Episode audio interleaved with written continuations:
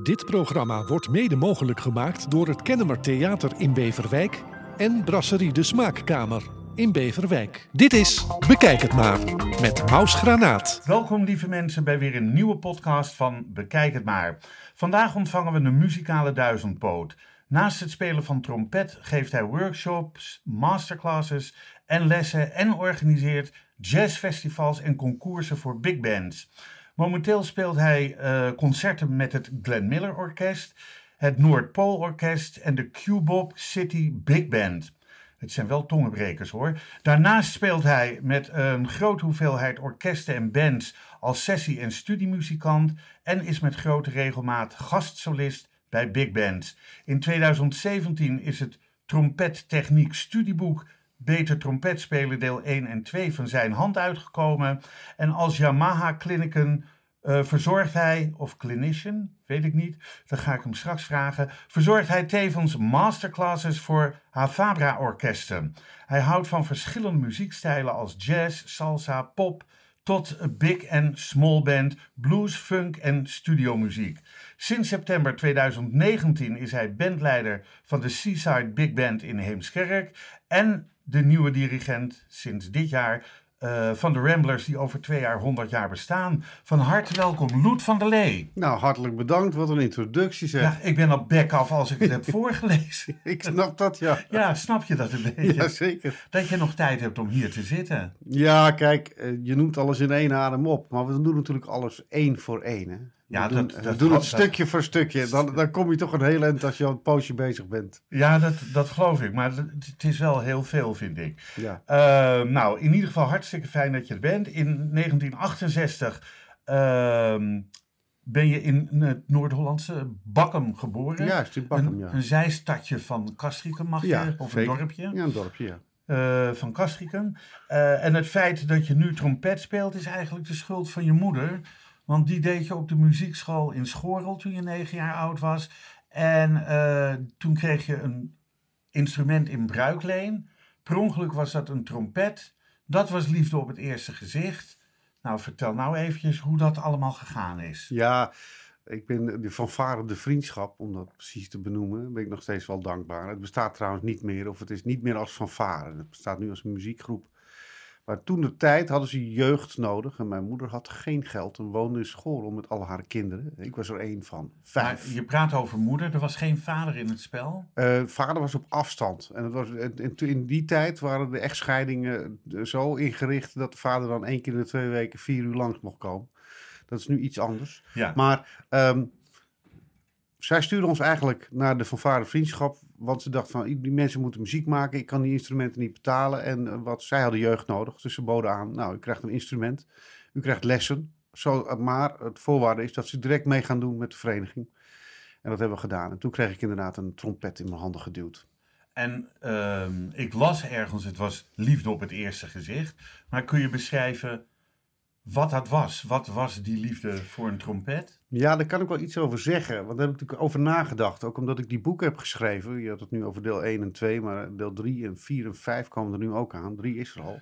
En um, uh, dat ook nog, de, de liefde op het eerste gezicht. Kijk, ik, ik ben eigenlijk bezig gegaan met het instrument. En ik was, nou, goed, ik was er redelijk goed, uh, goed mee bezig. Je krijgt altijd een bepaald punt als je jeugd bent, zeg maar jongeren. Dan op een gegeven moment ga je andere interesses krijgen. En dat, die trompet die vereist eigenlijk een constante ja, onderhoud. Het is een soort fysiek instrument. Je kunt het vergelijken met sporten. Uh, en en uh, heel veel mensen die haken dan toch af op het moment dat je gaat puberen en zo en andere interesses krijgt. Ja. En bij mij bleef die interesse toch bestaan. Ik weet niet, ik werd op de een of andere manier gevangen door het geluid wat je kon maken. En ik werd eigenlijk, uh, ja, ik, ik, was verbaasd over het feit dat je eigenlijk ja, gevoel uh, kunt uiten door, uh, door klank te maken. Dus jezelf kunt uiten op die manier. En dat heeft bij mij is dat heel snel beklijfd. Met, met maar, maar had, dat je, ik... had je die, die, dat uiten van, van, van emotie of gevoel nodig in de vorm van een trompet? Of had je ook uh, de mogelijkheid om te kunnen praten met mensen? Nou, ik, ik kan me nog herinneren dat ik gewoon... Uh, wij hadden geen middelen. De, maar op een gegeven moment had ik dan een LP-speler. hadden we een plaat van, van Louis Armstrong, van Chet Baker en zo. En die, die draaide ik in het donker. Zoals ik vroeger ook het radioprogramma Candlelight uh, altijd Jan luisterde. van Veen. Ja, alle luisterde. Ja. Heel, eigenlijk heel cheesy. Of, maar Het, was, het, het ving mij op een of andere manier dat die drie kwartier zo in de avond. En dan ging ik lekker de bank in het donker liggen en dan, kon ik daarvan genieten. Zo kon ik ook eh, ja, in het donker ook met, muziek spelen en proberen die, die klank mooi te maken. En die, dat lukte me vrij aardig. En ik merkte al heel snel dat ik op die manier ook mensen begon te raken. Dus eh, dat, dat, dat resulteerde al in het, op, ja, in het oprichten van mijn eerste band eigenlijk. Op mijn 14e, 15e speelde ik al in het dorp concertjes als bandleider. Dus, eh, en, en, mijn- en bandleden waren dan vooral familieleden. Oh ja, dat- Mijn oh, oudere Oh, dus familieleden. je hebt ook een hele muzikale familie. Nou, nou ja, we hebben allemaal, hebben we, eh, eh, zijn we met muziek opgevoed. En, en, en, en, er zijn enkele zijn echt, echt wel heel goed Dat heeft muzikaal. je moeder natuurlijk heel goed gedaan. Want het is Ja. wel een stukje wat je meekrijgt. eh, ehm, dat ik denk van ja, dat heeft je verdere leven gevormd. Ja, mijn moeder die heette Wil Jager. Eh, na de scheiding Jager, niet meer Van der Lee. En die heeft dat inderdaad goed gedaan. En je had dan bijvoorbeeld als een basisregel dat als er eh, zelf gemusiceerd werd, dus als er op de piano werd gespeeld of iets dergelijks, dan moest de rest uit. Dus eh, de tv en radio, die hadden we sowieso niet, maar op enig moment was het er toch tv en radio. En dat moest dan, dat mocht dan. Als er muziek gemaakt wordt, geen precies. social dat- media aan. Tenminste, nee, ja, zo- die was er toen niet. Nee, eh, gewone media, ja, precies. radio, televisie. Ja. Ehm, eh, ja, da- dan, dan kom je uit. eh, hoeveel kinderen hadden jullie in het gezin? Vijf. Vijf. Ja. En alle vijf spelen muziek. Speel je nog wel eens met je broers, zusters? Ja, ja. Mijn, mijn, mijn oudere broer Orno die speelt ook piano en daar doe ik af en toe wat mee. En die is nu inmiddels rechter, advocaat en nu rechter. En mijn andere broer Jan, die helemaal in Frankrijk woont met zijn gezin, eh, die, eh, daar speel ik wel eens eh, als we elkaar weer zien. Hij speelt nog steeds trombone. En ja, tot mijn grote vreugde, ja, dat gebeurt incidenteel. Hè? Ja, ja, Ja. Maar is het niet leuk om een keer een, een familie van de Lees CD-record op te nemen? Nou, daarvoor is een. Dat, dat gaat, het gaat hem niet worden. Dus, Oh. Dat zijn echt wel eh, hobbyisten. Eh, alhoewel mijn, mijn oudere broer Orno toch wel een redelijk niveau heeft bereikt. En ik onlangs een CD, eh, een LP heb uitzien komen waar wij beide op spelen. Aha. Van een big band in Amsterdam die elk jaar naar Thailand gaat om een tournee te doen. En net voor de corona hebben wij gezamenlijk een reis naar Thailand gemaakt. Jij en met je broer samen? Ja, met mijn broer en de Biggles Big Band onder leiding van. Adrie Braat. Dat is de leider van de Dutch Swing College Band. Ja. En ehm, nou, daar is uiteindelijk is daar een LP-opname uit voortgekomen, waar we dus voor het eerst in ons leven beide op staan. En dat is echt leuk. Staat nu in mijn collectie met de foto's van ons alle twee. En, eh, Wauw. Ja, dat zijn, dat zijn wel leuke dingen. ja, Ehm, in 1922 richtte je eigen Loet van der Lee. Eh, Ja, sorry, 1929, 1992. eh, je Loet van der Lee Quintet op. ehm, dat inmiddels wel in een soort andere bezetting eh, zit. Dit jaar bestaan jullie dus 30 jaar. Jullie kwamen respectievelijk eh, ehm, eh, 2019 en 2021 kwamen respectievelijk deel 1 en deel 2 van het, de, de Rode Hert Sessions ja. eh, ja. platen of cd's uit. CD's, ja. cd's. Ja. Ehm, kun, je, kun je iets over die band vertellen? Ja, dus allereerst het allereerste begin. Hè. Ik heb in Hilversum gestudeerd. Ik ben in Amsterdam gaan wonen. Hè, vanuit uh, Bakken. Conservatorium in Hilversum. Ja, conservatorium in Ja. Hilversum. eh, Dat is later gefuseerd met Amsterdam. Maar eh, daarvoor zat ik daar. En dat was, was eigenlijk omdat dat eh, de, eh, de omroepstad was. Daar waren de verenigingen, we hadden daar de omroeporkesten van toen de tijd. En daarom was eigenlijk het onderwijs daar voor swingmuziek heel degelijk. En heel vakmatig, heel goed. Dus daarom was mijn keuze om daar te gaan studeren. daar lag die keuze in besloten. Nou, uh, ik ben in 1993 afgestudeerd en in 1992 begon ik met de eerste kwartetten en quintetten. En dat is eigenlijk, uh, ja, uh, ik had, er was toen een lichting muzikanten, die waren echt hartstikke goed. Mensen die op dit moment in het Metropool spelen of bij het Jazz Orkest Concertgebouw en ook solo carrières hebben gehad. En daar zat ik allemaal mee af te studeren. Dus wij berichten, ik richt al heel snel daar ook mijn eigen quintet en kwartet op.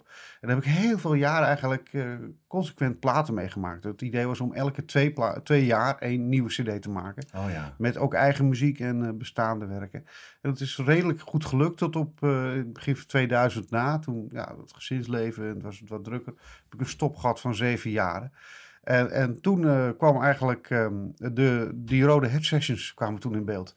Uh, een studio in Drenthe, in de kop van, kop van Drenthe, vlak onder Groningen eigenlijk, waar ik ook veel werk in, in het noorden van het land. En daar ligt een dorpje, een lintdorp, uh, Roderwolde. En daar is een kennis van mij een studio, een café overgenomen. Een dorpscafé met studio gebouwd.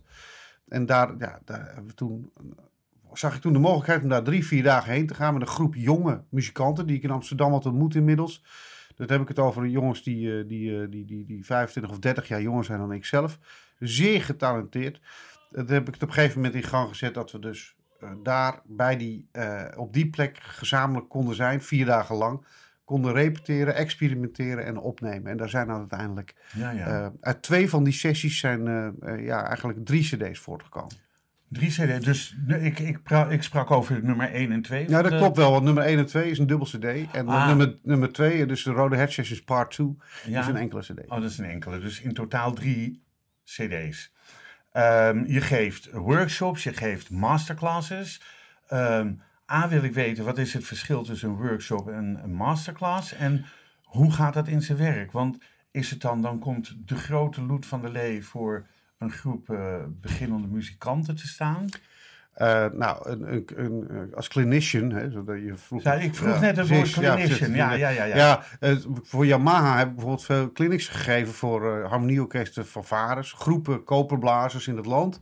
En dit, dan ga ik bijvoorbeeld praten aan, voor die groep over een topic als hoe kun je efficiënt studeren.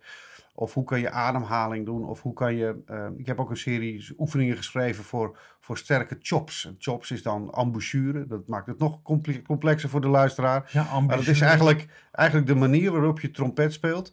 En uh, waarop je ja, uh, het voor elkaar krijgt om vrij stevig en krachtig te kunnen trompet spelen. En dat is eigenlijk wat iedereen een beetje nastreeft. Uh, dat is onderdeel van de trompettechniek. En dat hangt samen met je ademhaling, met middenrif. En ja, daar heb ik uh, een soort van uh, specialiteit van gemaakt. Dus dat is, dat is echt een, een clinic eigenlijk over één bepaalde topic. Eén bepaald onderwerp. Eén bepaald onderdeel van het totale ja, trompetspelen. Nou, trompetspelen of muzikantschap kun je ook zien. Hè? Dus efficiënt studeren is eigenlijk voor iedereen geschikt. Uh, en, en, workshops. Nou, ik heb bijvoorbeeld afgelopen weekend een workshop gegeven over de muziek van Duke Ellington. En daar formeert zich eigenlijk uh, aan ingeschreven muzikanten een groepje van twaalf muzikanten. Alle instrumenten. En dan schrijf ik arrangementen speciaal voor die groep. Hè. Dus als er twee trombones bij zitten, dan zet ik die erin. Of als er een harmonica bij zit, dan zet ik dat erbij.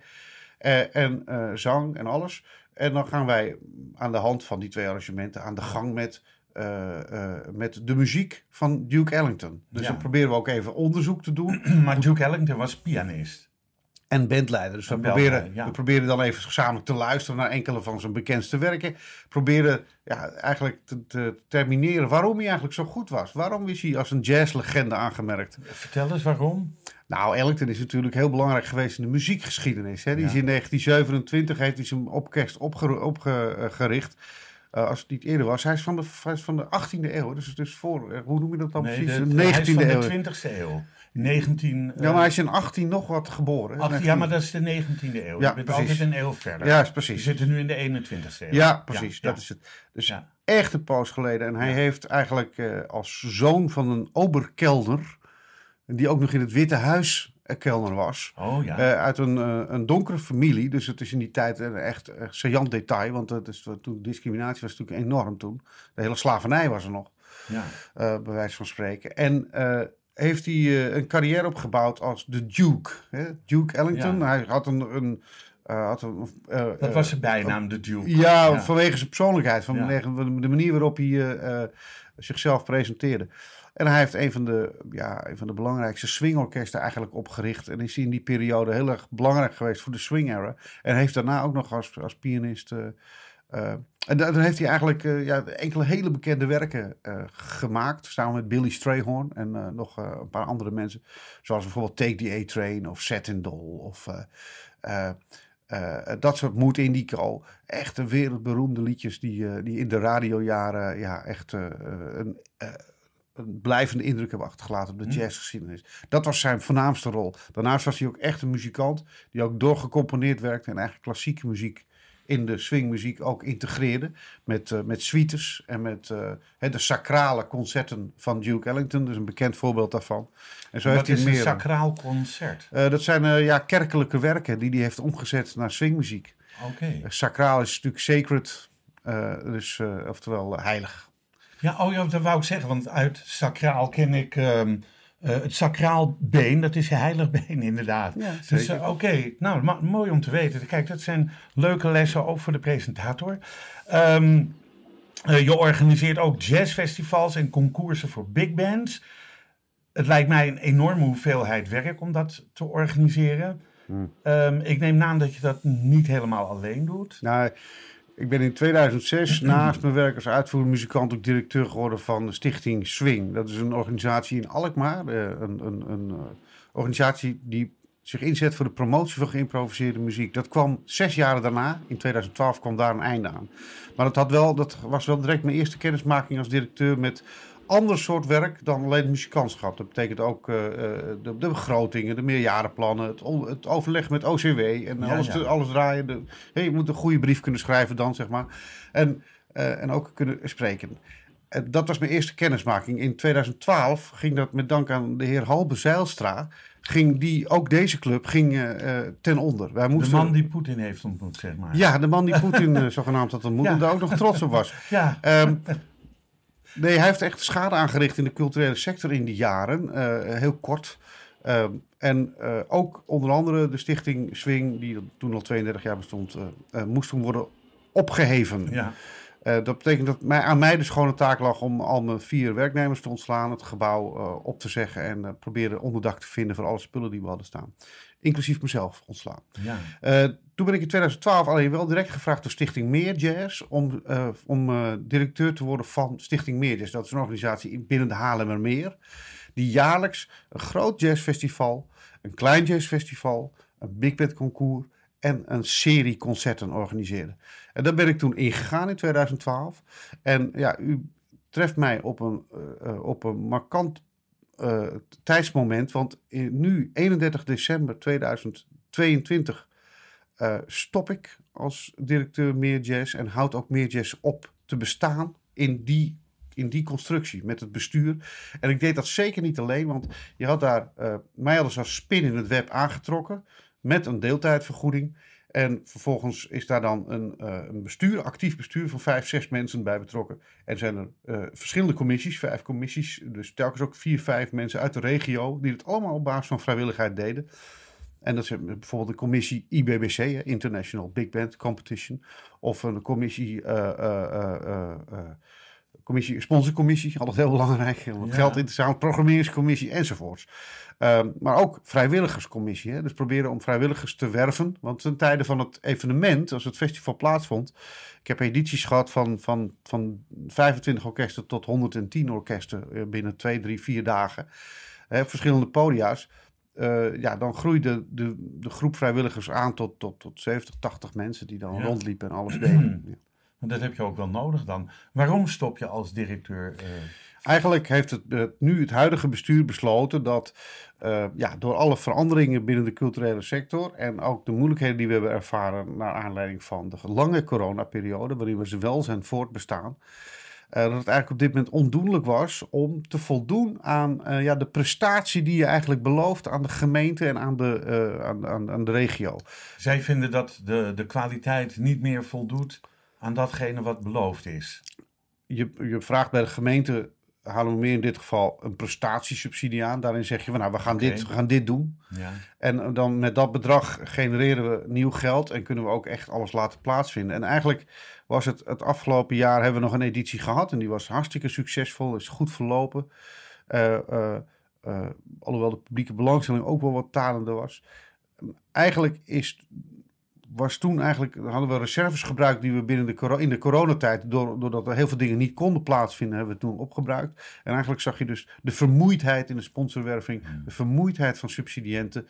En ook, ja, eigenlijk, toen het begon, uh, 26, 27 jaar geleden, Stichting Meer Jazz, toen was er een groep actieve vrijwilligers daar, die uh, samen met het toenmalige bestuur dit hebben opgepakt. En die uh, waren eigenlijk allemaal vertrokken. Heel veel waren overleden. te oud geworden om deel te nemen. Want het waren natuurlijk allemaal ook mensen die, in, de- die al een beetje op leeftijd waren. Want dat zijn de liefhebbers en die hebben tijd en middelen om dit soort dingen te doen. En dus de- eigenlijk was die groep eh, eh, tussen aanhalingstekens een beetje op. Ja. En, en da, da, ik voelde me daar niet meer goed in. En ehm, dus eh, eh, ik moet zeggen, ik wilde wel door. Het bestuur is besloten om te stoppen. En dat heb ik ook geaccepteerd. ja. En na tien jaar Stichting Meer Jazz is het ook goed om vooruit te kijken naar andere Misschien mogelijkheden. andere dingen te doen, ja. Ehm, je houdt van verschillende muziekstijlen, zei ik net in mijn intro al. Eh, jazz, salsa, pop, maar ook big en small band, blues, funk, studiomuziek. Ehm, kom je muzikaal wel voldoende aan je trekken, denk ik? Ja, ja, ik hou van. Kijk, ik, ik word gevraagd voor studio dingen. Dus ook Oh. voor Nederlandse artiesten en zo speel ik af en toe een plaatje in. En eh, ik ben ja, altijd heel erg betrokken geweest bij, bij Latin jazz muziek. Eh, ik heb nu straks ook eh, 11 december een heel leuk concert eh, in, hier in de regio in Heemskerk in de jazzclub Laurens. Ja. Met, eh, met mijn eigen Descarga Amsterdam, wat eigenlijk een soort van, van, soort van Nueva Manteca bezetting is. Dat is misschien, dat zegt de mensen waarschijnlijk ook nog niks. Dat is gewoon een instrumentaal Latin jazz band met, ik heb daar eh, Colombianen in, eh, heel veel Venezolanen, een aantal Duitsers en ikzelf als een soort Einzel Hollander. Maar eh, ik vind dat fantastische muziek, die Zuid-Amerikaanse muziek. En dat doe ik ook met Lucas van Merwijk, ook met zijn club ook al, Ja. al, al jaren aan mee. Het begin 2000 eh, dan hadden we al tours door de Cariben en door de, door de, langs de Antillen, bedoel ik eigenlijk, de ABC-eilanden en, en Suriname en zo. Ik ben daar enorm door gegrepen. Eh, en de popmuziek, ja, die kwam vanzelf op mijn pad. Hè, eh, met, Maar eh, ben je gegrepen door het ritme, door de muziek, door de, door de tempi die Ja. daarin zitten? Ja, en de feestelijkheid van, van Latijns-Amerikaanse muziek Ja. vind ik grandioos. Soul is, is evident en blues is heerlijk om naar te luisteren. Ik kan eigenlijk overal wel van genieten. Maar mijn echte liefde ligt eigenlijk bij swingmuziek, bij jazz. En, en als, een, als een hele goede tweede let in Latijns-Amerikaans. Hmm. Ehm, je bent getrouwd, zei je net. Je- heb je ook een gezin, kinderen? Ja, ja Wat ik, ben, vinden eh, de- ben je er wel eens voor ze? ik ben er eigenlijk veel meer dan een gewone vader. Oh, Want ja, ik, ik heb geen 9-to-5 job. Ik hoef niet Nee, om half zeven weg te rijden en kom dan pas om half zeven weer thuis. je rijdt om half zeven weg en dan kom je s'nachts Ja, thuis. precies, Ja. precies. En ik ben er dan toch vaak, eh, vooral toen ze jong waren, dus inmiddels is de, de oudste is 21 en, eh, en ehm, zit in, ik heb er drie. Hebben hebben we een, zit je een hele andere dictie inmiddels met deze leeftijdsgroep. Spelen En jouw kinderen ook muziek? Ik heb ze allemaal op les gehad. Ik heb ze allemaal een instrument eh, gegeven, piano midden in het huis gezet. En ze zijn allemaal op enig moment begonnen en ze zijn allemaal op enig moment ook weer afgehaakt. Niemand doorgezet? Geen Niemand doorgezet. Oh. Nee, Vind je nee. het jammer? Ehm, nou, nee. Ik vind het prima. Ja. Nee, ik vind het prima. De dingen gaan zoals ze gaan. En ik, eh, ik, zie ook, ik zie ook wat het muzikantschap is eigenlijk een way of life. Hè? Eh, zoals ik het omarm. En jij doet het ehm, van je negende in, in principe. Ja, en Ja. ik doe het voor mijn beroep. Dus En voor je eh, de rekeningen worden ervan betaald. En dan Ja. betekent toch dat je, dat, dat je ook ja, de negatieve kanten van het hele verhaal ook goed meekrijgt. Ja, oké. Ja, ja, En, ik gun dat een ander niet. Ja. Sinds september 2019 ben je bandleider van de Seaside Big Band in Heemskerk. Hoe, kom je, hoe combineer je alle dingen die je doet? Of heb je een, manager die dat voor jou inplant? Of zit je zelf achter de agenda en zegt dan kan ik wel, dan kan ik niet? Dat laatste. Ja. Ik doe het gewoon zelf. Seaside Big Band is eigenlijk op mijn pad gekomen. Ook in de coronatijd zocht ik eigenlijk naar een plek om eh, les te kunnen geven. Ik heb mijn studieboeken uit en eh, die heb ik uitgegeven. En eh, ik was een belangstelling voor mij als docent. Dus, en ik dacht, nou laat ik dat dan maar opzetten, want eh, corona was lastig, lastig. En toen kwam eigenlijk Heemskerk heel goed uit, waar ik net een connectie mee had gemaakt. Om daar ook mijn workshops te laten plaatsvinden, die voorheen alleen in hoofddorp plaatsvonden. Maar die konden dus ook in Heemskerk. Daar zat een directeur die dat, eh, die dat wilde omarmen, hè, Mirjam eh Duclos. En eh, zij, zij gaf me daar de ruimte. En ze zei, oké, ik kan hier ook wat lessen geven, dat is geen enkel probleem. Dus ik kreeg eigenlijk die ruimte ter beschikking. En, en, en, en toen kwam ook de Seaside Big Band om de hoek kijken. Dat is de band eigenlijk die zich gelieerd heeft aan dat gebouw, het Cultuurhuis Heemskerk. Zei, wil je niet leider worden van dit Is orkest? dat de, hui- de huisband van eh, het cultuurhuis? Het is de big band van het Cultuurhuis. Ja, we het zo Big zeggen. Band, oké. Sinds april dit jaar ben je, eh, is bekend geworden dat je de nieuwe orkestleider bent van het voormalige VARA radioorkest The Ramblers. En zij zijn opgericht in 26, dus over drie jaar bestaan ze 100 jaar. Ja, 1 september 2026 zijn ze opgericht. Eh, Eh, trouwens, toen heette ze nog net even anders. In oktober zijn ze de Ramblers gaan heten. Oh, ja. Hoe heten eh, ze dan in september? eh, moet ik je even, even, even schuldig blijven. Ik had, Oh. Die naam heb ik nog ergens voorbij zien komen. Maar het maakt niet uit. In de officiële oprichtingsdatum is nu gewoon 1 september. En wij proberen daar ook in september 2026 echt naartoe te werken. Als stip op de horizon. Wij trachten dan een groot concert te organiseren. Waarbij heel veel mensen, iedereen die we nog kunnen vinden, op kunnen trommelen.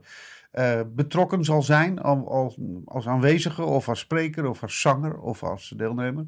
De Iedereen, hebben... iedereen die ooit bij het orkest gewerkt heeft, bedoel je? Nou ja, ik weet niet of we daar zo ver kunnen gaan, maar we, dat, dat is het streven. We proberen dat ook echt in een toonaangevende zaal te doen. Het, eh, op dit moment staat met stip op één eh, het Concertgebouw Amsterdam, gewoon een grote zaal. Grote zaal. Ja. wauw. Ja, maar dat, dat kan ook. Kijk, het is, het is, de Ramblers hebben in, 2000, eh, in 1926 zijn ze begonnen eh, als, eh, als, eh, als, als orkest. En die zijn direct door de radio omarmd en hebben eigenlijk het voorwerk verricht voor bijvoorbeeld orkest, grote orkesten zoals Vara's Dansorkest, zoals de Sky Masters. Uiteindelijk zijn ze ook de voorlopers van het Metropoolorkest bijvoorbeeld.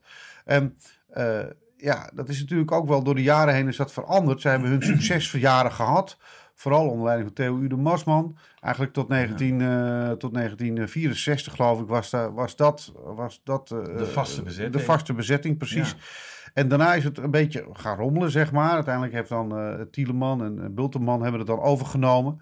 En, en toen uiteindelijk kwam Jacques Scholz. En, Theo, onder leiding van bijvoorbeeld Bulteman zijn ook heel veel van die mooie liedjes toen ontstaan. Hè? Zoals de, de grote hits, zoals Wie is Loesje of Mooi Holland. Of, dat was geloof ik al eerder gecomponeerd. Maar ehm, er waren eigenlijk best wel grote radiohits bij.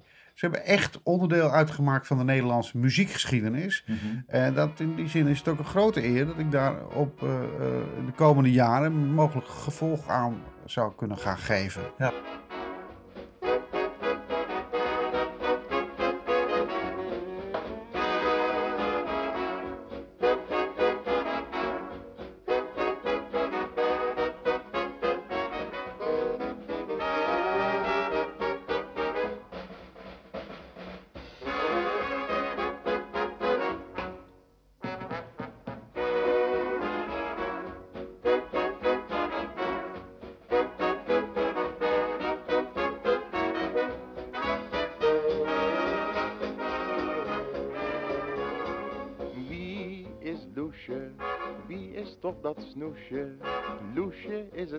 meisje van de drummer van de band. Daar gaat Loesje met dat leuke bloesje.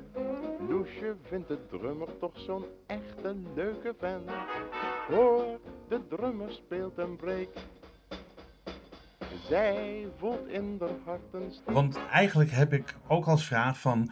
Je bent nu directeur of orkestleider geworden van de Ramblers. Ehm, wat is jouw visie voor nu en over vijf jaar? Wat wil je met dat orkest bereiken? Ja, eh, eigenlijk is de standaardreactie, de Ramblers bestaan die nog? Dat is in, Ja, in dat- plaats van en wij komen terug, wat, wat hun echte slogan is, maar wij komen terug, Ja, eh, is, is de meest gehoorde reactie, bestaan ze nog? ja. Dus en ja, ze bestaan nog. De laatste drie jaar was ik ook eh, eh, bandlid. eh, aan Remplaçant en later bandlid. Onder leiding van Kees Kranenburg. Hè, de laatste bandleider. De laatste, Eh, eh, eh, dus junior. Hè, want Zijn Kees- vader heeft hij, hij heeft zijn vader opgevolgd. Ja. nee, ja, niet als orkestleider. Oh. Nee, want de senior is nooit orkestleider geweest. Behalve enkele maanden na de, eerste, na de Tweede Wereldoorlog. Eh, toen was hij even ook, eh, vervangend orkestleider. Maar daarna is hij gewoon bandlid geweest. Eigenlijk het hele, zijn hele leven. Kees is bandleider geworden. Dat is ook een ander ding. Ehm, zakelijk en artistiek leiderschap is een, echt een ander, ander, ander ding dan muzikantschap in zo'n Ja. orkest. Ja. Ehm, en ik kan het weten. Ja, dat, ja, dat, dat idee, ja. Dat Nou, wat, wat de stip op de horizon is, of wat Ja. wij willen bewerkstelligen, of ik graag gedaan zou hebben, is ten eerste zorgen dat, de- dat, de- dat de geschiedenis is veiliggesteld. Daarom hebben we contact gezocht met Jan Douwe Kroeske van Double Two, die zit in Hilversum. En, we proberen een, eh, en hij heeft eigenlijk voorgesteld om een documentaire te maken en die in 2026 te releasen, waar over 100 jaar de Ramblers. Waarin we, kunnen, waarin we op een goede manier kunnen laten zien wat het orkest was, wat er eigenlijk gebeurd is en wat hun rol was, wat hun betekenis is geweest voor de muziek. eh, lichte muziek, in, eh, hè, want het was een jazzy entertainment orkest eh, toen en nu nog steeds. Ja. Eh, ik ga het niet veranderen. Dat is niet het idee. Het idee is continueren. Kijken of we wel van binnenuit kunnen veranderen. We hebben nu een tournee met eh, een, een nieuwe soliste, zangeres, Jannes Gra. We hebben ook Ronald Douglas erbij. Die zingt ook fantastisch. Die doet meer de, de oude liedjes. Jannes Gra die pakt eigenlijk, we hebben tien nieuwe stukken laten arrangeren. Ook haar, een aantal van haar eigen werken, maar ook een aantal dingen van Annie M.G. Schmid. Eh, bekendere werken, maar die nog nooit door de Remlers op die manier zijn uitgevoerd. En met deze stem en deze jongere dame, want ze is ook, ze is ook al tegen de 40, dus zo jong is ze ook niet meer. Is ze ook niet meer. Maar, Nou Janne, Deze- dan weet je dat. maar je merkt, maar je merkt dat, dat we een ander publiek bereiken. Dat Ja. er andere mensen binnenkomen. Hè, We speelden twee weken geleden in de cultuurkoepel hier in Hello. En er zaten toch 360 mensen. En echt heel veel nieuwe gezichten zitten daar. En er komen heel veel mensen gewoon voor Janne. Maar ook, ook jonge, men, jonge Ja, mensen. die- jongere mensen. Jongere mensen, ja. ja. Er zitten ook heel veel 80-jarigen bij die, die weg eh, heerlijk eh, bij. eh, eh, eh, weet je nog wel, eh, die avond in de regen wegzwijmelen en een beetje meeneurien. Die zitten Ja, er ook. ja, ja. En die koesteren we ook. Ja. Dat moet ook gekoesterd worden, want dat, ja, aan die mensen zijn eigenlijk, eh, heeft, heeft het de, Ram, de Ramblers Orkest hun, hun populariteit te danken. Ja, Aan, maar aan, die, aan die oude aanhang bedoel dat, ik. dat klopt. Dat klopt. Ja. Het, eh, het succes van die jaren, waar zij, van die jaren waarin zij jong waren, en, en dus waar- waar- waarvan de muziek van de Ramblers eigenlijk een significant onderdeel hebben uitgemaakt van hun groot worden. Mhm. Hè, en een bewustzijn ook van de wereld. Zo, eh, dat- ja, dat, dat is natuurlijk een hele belangrijke drijfveer of pijler, drijfveer of pijler voor, van het succes van de Hm. Ramblers. Maar je moet vooruitkijken. Je moet kijken of er nieuwe horizonten te bereiken zijn. Dus we doen dat wel met nieuwe gastsolisten. eh, maar aan de buitenkant zullen we altijd eh, het thema orkest, de Ramblers, blijven eh, eren of handhaven. Maar proberen aan die, aan die binnenkant toch wel te vernieuwen met nieuwe gastsolisten. Dat kunnen instrumentalisten zijn, of vocalisten of samenwerkingsverbanden. Mooi. Ehm, eh, 2026 is dan dat 100-jarig bestaan. Wil je voor de datum van jullie 100-jarig bestaan, want ik denk, ik denk misschien wel dat, dat de Ramblers 100 of 200 LP's hebben uitgebracht. Vroeger, geen idee hoeveel hoor, ik heb dat niet geteld en niet, niet paraat. Maar eh, zou, de, zou je voor dat jubileum ook nog een mooi album willen maken? Ja, dat wil ik zeker. Kijken of we een nieuw album kunnen maken. Eh, dat is altijd belangrijk om dat te doen. Alhoewel albums als zodanig niet meer verschijnen. Nee. Eh, je kan denken aan een EP. Eh, maar je kan ook denken aan een LP. Met een digitale download erbij. eh, waarin je toch op een hele mooie manier ook, eh, ook, ook grafisch dus, kunt duiden. Hè. Dat, ik vind dat eigenlijk nog een mooiere optie. En dan in kleine, opga in kleine oplagers. Hè, dat is een print-on-demand principe. Ja. Als, als er nog 100 gegadigden zijn, dan maken we er nog eh, 150 bij. Daar komt het op neer. Maar ja. ja, dat zou ik graag doen. eh, maar we, we proberen ook naar beeld te gaan. Dus we proberen meer beeld te vangen. En eh, samen met Jan Douwe Kroeske zijn we ook bezig met een, eh, een soort crowdfunding voor, eh, voor dingen die er bestaan van de Ramblers. Want wij vermoeden dat er op heel veel zolders bij mensen, en heel veel plekken, dat mensen daar nog beelden van hebben. Oude films. Zoals er op dit moment een film is met de eh, amateurbeelden van Theo Ude Masman zelf. Die was amateurfilmer. Oh ja. En er is er een film gemaakt over de bevrijdingsjaren en de jaren voor en de jaren na de oorlog van Theo Ude Masman. Dus zijn amateur videobeelden zijn gebruikt als basis voor een film die de bevrijding van eh, Hilversum en omstreken eh, weergeeft. Dat is, een, dat is een hartstikke mooie documentaire geworden, die ik ook gezien heb. En die willen jullie ook verwerken in, het, in dat 100-jarig. Eh, Nou, ik eigenlijk, dat is een voorbeeld van wat er bleek beschikbaar te zijn. Want onder al die muziek zit, zit- onder al die beelden staat de muziek van de Ramblers. ja. Er zijn echt heel veel mensen die hebben nog ja, video's of eh, VHS of banden gemaakt of eh, fotografie of die hebben verhalen. Of die hebben... Ik word door heel veel mensen benaderd, mensen uit mijn leeftijdsgroep, die zeggen ja, nee maar luister, mijn, mijn, mijn, mijn tante die heeft nog... Die was nog bevriend met die. En dus zo komen ze. Of eh, nee, maar mijn, mijn opa heeft nog meegespeeld in het orkest. En ik, ik krijg die verhalen allemaal op mij af. En we zouden dat heel graag eh, proberen te structureren. En dan hebben we, kunnen wij, eh, dus Jan Douwe Kroeske, die gaat er dan op af met een crew. En die maakt een mooi vraaggesprek. En probeert daar uiteindelijk een prachtige documentaire van te maken. Op die manier, op die manier proberen we eigenlijk te preserveren wat er vroeger gebeurd is. Maar ook dan op die manier ook een, een, een, een mogelijkheid te openen om opnieuw als de Ramblers eh, verfrist en wel eh, in de Nederlanden bekend te, te zijn en Ja. te kunnen spelen. Maar dit gezegd hebbende, en mensen naar jou toe komen en je wordt benaderd door die en door die en van mijn opa en eh, die is nog lid geweest, bla bla bla bla. Ja. Het leeft dus nog steeds. Als dat, Het leeft Als enorm. Ja. Het is echt, als de mensen dat eenmaal, als het eenmaal het kwartje geval is. Kijk, mijn dochter van 14, dat zegt er helemaal niks. Die denkt, wat ben jij nou aan het doen? ja. Maar um, de- bij heel veel andere mensen leeft het wel. En, en ik denk ook dat ook bij de hele jonge groep, dat die retro, hè, want dat is het dan uiteindelijk, ja. ook wel een plekje gaat geven. Want als je kijkt naar de playlist van hele jonge mensen, daar zit ook, eh, zit ook Ella Fitzgerald bij. En er zit ook gewoon eh, pure jazz bij. Dat hebben ze helemaal niet in de gaten. En heel veel successen. Hè? Iedereen die, die bijvoorbeeld achter Caro Emerald aanholde eh, een paar jaar geleden. ja. Dat is gewoon pure jazz, gewoon Ja. retro. Of alleen maar een New Cool Collective Big Band. ik, daar speelde ik zelf ook heel lang in. En ja, we waren hipper dan hip, de New Cool Collective. Maar eigenlijk was het natuurlijk jaren 50 muziek van Eddie Harris. Gecombineerd met wat, eh, eh, met wat jungle-stijl eh, een muziek. beetje wat mo- gemoderniseerd. Gemoderniseerd en we trokken er een mooi pak bij aan. Ja, Kijk, Ja. dat, vooral dat laatste. Ja. Ehm, ik, ik zelf, je zei het al, van, oh, bestaan jullie nog? Had ook het idee dat de Ramblers een beetje in de vergetelheid waren geraakt. Maar sinds 2015 volgens mij treden jullie toch wel weer regelmatig op in theaters. Ja. Ehm, komt er ook voor dat jubileumjaar een nieuwe tour aan met een eh, met grootse optreden van eh, Donald, Ronald Douglas en Jannes Ra en mogelijk andere gast eh, zangers, zangeressen. Ja, ja, zeker. We hebben nu, loopt er een tour. komende zondag spelen we ook nog weer in Arnhem in het Muses. Van eh, twaalf concerten met Jannes Gra en Ronald Douglas. Waar, eh, eigenlijk dat het valt nog onder de 95 jaar jong. Terwijl we 96 jaar jong zijn. Of 97 al bijna. 97, ja.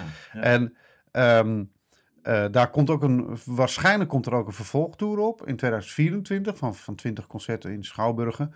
En intussen spelen we ook in het land op diverse plekken, festivals en proberen we in de buitentheaters en proberen ook in de België nog weer een aantal concerten te realiseren. Dus er komt een tour aan, maar rond, de zes, rond de 2026 proberen we met als startpunt of als eindpunt, dat weet ik niet precies, eh, eh, eh, dat grote jubileumconcert. eh, proberen we natuurlijk een hele serie concerten te laten plaatsvinden. ja, dat is Het- mooi. alles is eigenlijk erop gericht om, eh, om concerten te hebben en om onszelf te laten horen. Een band, door het hele land. een band bestaat bij gratie van de concerten die hij Ja. heeft. Op het moment dat je ophoudt met musiceren, dan is eigenlijk de band er niet meer. Dat is ook direct de reden waarom je zegt vanaf 2015 eh, kwam het weer een beetje opzetten. Ja, daarvoor was Jacques Scholz, was bandleider. Jacques Scholz pakte het op zijn eigen manier aan. Die maakte er meer een jazzorkest van. En de, de, de activiteiten daarvan namen af. Dat kwam ook door zijn fysieke ongemakken die hij had. Ja. Eh, en hij is uiteindelijk ook overleden. En eh, toen kwam Kees Kranenburg junior. En die, eh, die pakte het eigenlijk weer op met de oude liedjes van Bultenman in het programma. En die, die kreeg een aantal speelgelegenheden eh, eh, in de Schouwburgen. En daar, op dat succes borduur ik graag voort. Ja. Want ik denk dat Schouwburgen voor ons ongemeen belangrijk zijn en blijven. Kun jij je voorstellen dat de regering een aantal jaren geleden twee ton uit het, eh, hoe heet het, orkest heeft getrokken? Nou, je noemde net Het. Metropoolorkest. Metropoolorkest. Eh, ik denk, als zo'n orkest omvalt, dan krijg je dat nooit meer bij elkaar. Ja, precies. Het is een relatief eenvoudige wijze, een rela- eh, eh, eenvoudige handeling om iets, eh, iets, te. Iets, iets te stoppen. Ja, En eh, het is knetter moeilijk om iets op gang te brengen. Ja. Ja, ja, klopt. Ja, het daarom, is eigenlijk hetzelfde als altijd goed eten in een restaurant, twee keer verkeerd eten en je komt er niet meer. Ja, ja, dat is heel raar. Ja, precies. Ja. Ja, dat En, en ja, maar als je de stekker uit zo'n orkest trekt, wat zo lang eh, zoveel heeft betekend, ook voor de Nederlandse muziek. Nou ja, ik denk dat het Metropool nog helemaal niet moet klagen. Ik denk dat die nog eh, behoorlijk eh, goed uit de verf zijn gekomen. Als je, Ik kijkt, zeg niet dat ze klagen, maar als je binnen Europa, binnen de Benelux kijkt, is er eigenlijk nog maar één beroepsorkest over. Dat is het WDR, Big Band. Dat is, dat is het enige. In Duitsland, in Keulen. Er zitten een hoop Nederlanders in ook, eh, noodgedwongen. Die rijden dan maar op en neer. Maar eh, eh, het, het Metropoolorkest heeft altijd nog 50% van zijn inkomsten behouden. En, en heeft een, ziet eigenlijk nog uit naar een bright future, een goede toekomst. Terwijl eh Orkest als de Ramblers eigenlijk echt, echt aandacht behoeft, ook op financieel gebied. Dus Metropoolorkest is fantastisch, maar ik zit hier voor de Ramblers. Ja. ja. Ehm, Oké, ja, ja, dat snap ik. ja. Maar ja, goed, ik, dat schoot me gewoon te binnen. Want ik denk dat ik vond dat een geweldig orkest, dat Metropoolorkest. Je ziet het overal. En eh de Ramblers ook. Natuurlijk, daar zit je hier voor. Je bent direct de orkestleider eh, ervan geworden. Ik denk trouwens dat de Metropool zwaarder getroffen werd dan 2 ton. Het ging eerder om eh, miljoenen. Oh, ja, oké. Ja, het ging om miljoenen. Ja, Ja. dat, ze- dat ze niet meer kregen. Maar ze hebben ook 50, 60 man in dienst. En dat is ook echt een heel ander verhaal. Ja. ja, maar goed, eh, wil je zo'n orkest blijven vormgeven, dan heb je die mensen denk ik ook nodig. Ja, zeker. Eh, Alle, alle muzikanten zijn daar op 50% gezet. Ja. Dus dat is natuurlijk, ze hebben gewoon de helft moeten inleveren van hun vaste inkomen. Dat is natuurlijk een enorme aderlating. Ja. Maar ze bestaan nog steeds. Ja, En, eh, en, ze kunnen er allemaal toch nog eh, mee rondkomen. Dus het is, de- dat, is, dat is het fijne. Ze zijn gered. ja. Ja. Dus en als straks misschien de economie weer wat eh, toeneemt, dan kunnen de salarissen misschien ook weer wat. omhoog. Ja, nou de Ja. vraag is of de constructie die zoals die jaren is geweest... met die vaste salarissen en met die dubbele vergoedingen voor bijinstrumenten... ja. of dat nog kan worden gehandhaafd anno nu. Kijk, ik denk dat je daar op een, nu een modern, een nieuw antwoord op moet vinden. Eh, net als dat bedrijven zichzelf opnieuw Ja. moeten uitvinden... zal een orkest als bedrijf dat ook moeten. Hoe is dat bij de Ramblers? Is iedereen in dienst? Hoeveel, uit hoeveel leden bestaat de Ramblers? Twaalf. Twaalf leden. Ja, Is, is twaalf dat- orkestleden en Ronald. Dus die doet eigenlijk vast mee op dit moment. Dus dat is 13. En dan heb je eigenlijk nog een geluidsman, dat is 14. En eh, dit zijn, dat zijn gewoon eigenlijk eh, freelancers. En je hebt de A-lijst, dat wil zeggen de vaste bandleden. Die krijgen als eerste de concerten aangeboden. En als die niet kunnen, gaan we naar invallers kijken. Ja, En dat is gewoon eigenlijk uurtje factuurtje bij ons. Dus freelance werk. Eh, als je een concert hebt, krijg je geld. En soms krijg je voor repetitievergoeding en zo. En eh, eh, dat is het. Dus Ja. het is, er is geen sprake van een baan. Er is een sprake van een afspraak. ja. Nou ja, dat moet je, dat moet je ook willen. En Dat is natuurlijk, dat, dat, we willen het graag anders. Ja, Hè? We willen graag meer zekerheid hebben. Ja, dat, We kunnen ook eigenlijk, kijk, als je op die manier moet werken, en dat heb ik altijd gedaan met heel veel orkesten. We moeten wedijveren met de grote orkesten, zoals Metropool. Die hebben dan bijvoorbeeld een week de tijd om naar twee concerten in het weekend toe te werken. Dus die gaan drie, vier dagen gaan ze zitten repeteren met mooie eh, componisten, eh, arrangeurs erbij en zo. En die kunnen dan vervolgens dat concert brengen.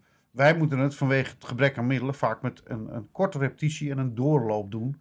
En we moeten toch proberen dezelfde kwaliteit te brengen. Daar zit de uitdaging. ja. Eigenlijk is het oneerlijke concurrentie, maar je probeert dat toch dat die kwaliteit te brengen. En eh, nou ja, dat is, dat is dus aan mij om daar eh, als, als, als muzikaalleider, maar ook als zakelijker, om daar een antwoord op te vinden en dat in goede banen te leiden. Is dat een zwaar juk op je schouders? Of, Nee, nee, nee. Ik, ik, ik heb al meer met het bijltje gehakt. Dus ik, ik, zie, dat, ik zie dat als een, als, een, als, een, als een grote verantwoordelijkheid, maar niet Ja. als een zwaar juk. oké, maar wel als een uitdaging. Zeker. Om dat, ja. om dat beter te zien, Ja. Eh, te krijgen. Ehm, wat zou jij eh, kinderen willen meegeven die graag een instrument willen bespelen, maar net als jullie vroeger de financiële middelen of mogelijkheden niet hebben? Eh, en wat wil, je ze mee- wat wil je meegeven aan jongeren of jongeren die nu al spelen en van muziek hun beroep willen maken? Ja, nou dat, dat eerste dan. Hè? Ja. Dus kinderen die, die niet bemiddeld zijn en toch graag willen spelen. Ja, Nou, kijk goed om je heen. We wonen in Nederland hier. En eh, ik moet zeggen dat het hier eigenlijk beter geregeld is dan waar dan ook. Wij klagen graag. Maar eigenlijk is, zeker als je geen middelen hebt, is er altijd in de buurt een mogelijkheid. Dus, maar durf te vragen. Durf gewoon brutaal te vragen. Als je kinderen hebt, als je twee kinderen hebt, die wil, wil ze alle twee op vioolles. Ga gewoon naar de dichtstbijzijnde punt toe en informeer en zeg: wij hebben geen middelen, we willen heel graag onze kinderen op les dan is er over het algemeen een mogelijkheid binnen de regio waarin je gewoon een, een- regeling waarin, waarin je kunt vallen. om een instrument in Om een instrument te krijgen. krijgen en om eventueel Ja. les in het begin gratis te krijgen en om deel te kunnen nemen aan, eh, aan, aan, aan orkesten, om ervaring op te doen. Eh, wees vooral zo brutaal. En wat ook, wat ook zo is, is op het moment dat je een instrument hebt. Ja, ik, ik heb altijd onderwijs dat de muzikant ben je zelf en, je, en de docent ben je ook zelf. Dus je zult het in, in dit vak moet je echt bij jezelf te raden gaan en jezelf gaan onderwijzen. Dus zorg ervoor dat je gemotiveerd en dat je eh, eh, eh, gemotiveerd en, en actief bent binnen, binnen het, eh, als student, laten we het zo zeggen. Want eh, heel vaak wordt er een beetje geleund op een vereniging, een club, een docent. Maar dat is niet wat een muzikant uiteindelijk tot een muzikant maakt. Dat is gewoon zijn, zijn eigen intrinsieke motivatie. Die, Hm. die, die gaat je het succes brengen. Ehm, lees jij net zo makkelijk muziek als ik een boek? Ja. Ja? Dus als je het ziet, kan je het zo. Nou, dat, dat gebeurt niet vaak, maar eh, mijn microfoon viel. Eh, maar als jij eh, een bladmuziek voor je krijgt, dan, dan toeter je dat zo weg. Ja, meestal wel. Ja. Ja. Oké. En dan van kinderen die eh, van muziek hun beroep willen maken, wat adviseer je hun? Ja, nou ja, ik zei er al iets over in het vorige antwoord, maar dat is nog niet helemaal compleet. Ehm, ehm, ik zou zeggen, eh, eh, denk goed na, want het is een, echt een harde keus. Dus ik wil niet, ik wil niet demotiveren. Je moet heel goed nadenken, want het, muzikantschap anno nu is anders dan het muzikantschap anno toen. Dus eh, het, het simpel goed op een cello te keer kunnen of goede pianist zijn is niet voldoende om je als muzikant te kunnen handhaven. Je moet eigenlijk een veelheid van dingen kunnen. Je moet jezelf administratief goed kunnen eh, verdedigen. Je moet jezelf als docent eigenlijk opwerpen. Je moet jezelf als eh, divers inzetbaar maken. Hè? Dus, dus op allerlei plekken in een orkest kunnen functioneren. Als eerste speler of als tweede speler. Dus dienend, leidend. Als, als, als solist wordt er meestal toch wel wat van je verwacht. En je moet goed kunnen lezen. En dan heb je ook nog eens ja, het opbouwen van het netwerk. Wat op dit moment veel moeilijker is. Want vroeger had je dan een langdurige studie op een conservatorium. Die kon zich soms uitstrekken tot acht jaar. Eh, waarin je dus ook acht jaar lang binnen een groep muzikanten actief was. En daar je netwerk langzamerhand opbouwde. Dus allemaal vriendjes en vriendinnetjes, om het oneerbiedig te zeggen. Die allemaal dingen Ja. voor je kunnen betekenen in de toekomst. En eigenlijk is die, die opleiding is enorm versneld. Ja, als je kijkt naar het conservatorium Amsterdam. Er komen heel veel eh, mensen uit uit, uit eh, uit Korea en uit, eh, uit, uit Japan. En die zie je eigenlijk eh, als passanten. Die, dat, maar uiteindelijk gaat het niet bijdragen tot je netwerk, want daarvoor is de tijd te kort. Dat is ook een beetje ingegeven door de laatste coronatijd, waarin alles nog efficiënter is en heel veel dingen online zijn gegaan, waarbij het hele netwerk, ja, element eigenlijk om zeep is geholpen. Dus, dus hoed u voor dat gevaar. En dan van de rest zou ik zeggen, volg je dromen. En veel plezier ermee. En ja, Ja. volg je dromen. Dus, eh, Dan wil ik in ieder geval, ehm Loet, nog eventjes benadrukken dat op 8 januari 2023 om drie uur 's middags in samenwerking met het Kennemer Theater en Roots een concert gegeven wordt in het Kennemer Theater van de Ramblers. ja, klopt. Zijn daar nog kaarten voor? Ja, kaarten zijn te koop en, en eh, zijn ook nog eens goedkoop ook. Ik geloof 15 euro per stuk. Oh, dat is En duur. nee, het is een prachtige matinee en Janne Schraak komt, Ronald Douglas is erbij. En eh, wij spelen dan het programma zoals we dat op dit moment in de Schouwburgen draaien. Twee keer 50 minuten, een prachtige show. Ja. Met ook liedjes van toen en liedjes van nu. Dus het zit er eigenlijk allemaal met, wel met een in. mooi pak aan. Ja, ja, ja, we zijn eh, eh, ja, in smoking komen wij. Ja, zeker. Wauw, wauw, wauw. zeker. In smoking. 8 januari 2023, de Ramblers in het Kennemer Theater in Beverwijk in samenwerking met Roots. 15 euro een kaartje. Waar kunnen ze ze bestellen? Eh, dat, ik denk dat het gewoon via theater kan. Via het Kennemer Theater in Beverwijk. Ja. Kijk op www.kennemertheater.nl. Ehm, zijn er nog dingen die we vergeten zijn, Loet? Of zeg je van, goh, ik wil dat of dat nog even kwijt? Binnen de regio, wij spelen het Kennemer Theater, is een heel belangrijk concert. Maar we spelen ook nog eh, 15 april in De Rijp. Dat is in de Grote Kerk daar. Dat is hartstikke mooi concert. Er wordt nog een concert in Huizen. Ehm, maar eh, De Rijp is denk ik de moeite waard, want dat is ook in de buurt. En heeft, eh, de, hebben de Ramblers een eigen website? Ja, theramblers.nl. Dus T-H-E Ramblers. Ramblers. Ja, R-A-M-B-L-E-R-S. Ja, Wat betekent Ramblers eigenlijk? eh, rebels. Rebels. Ja, zwervers eigenlijk. Zwervers. Dat Ja, ja dat ja, is ja. het, zwervers. Zwervers. Goed, dan wil ik jou, Loet van der Lee, enorm bedanken voor je komst naar eh, deze opname. En ik wil je heel veel succes toewensen met alles wat je doet en met eh, de Ramblers in het bijzonder. Ehm, deze podcast wordt uitgegeven door Roots en alles is na te lezen op www.bekijkhetmaar.com. Heel hartelijk dank voor het luisteren en wat mij betreft graag tot de volgende podcast.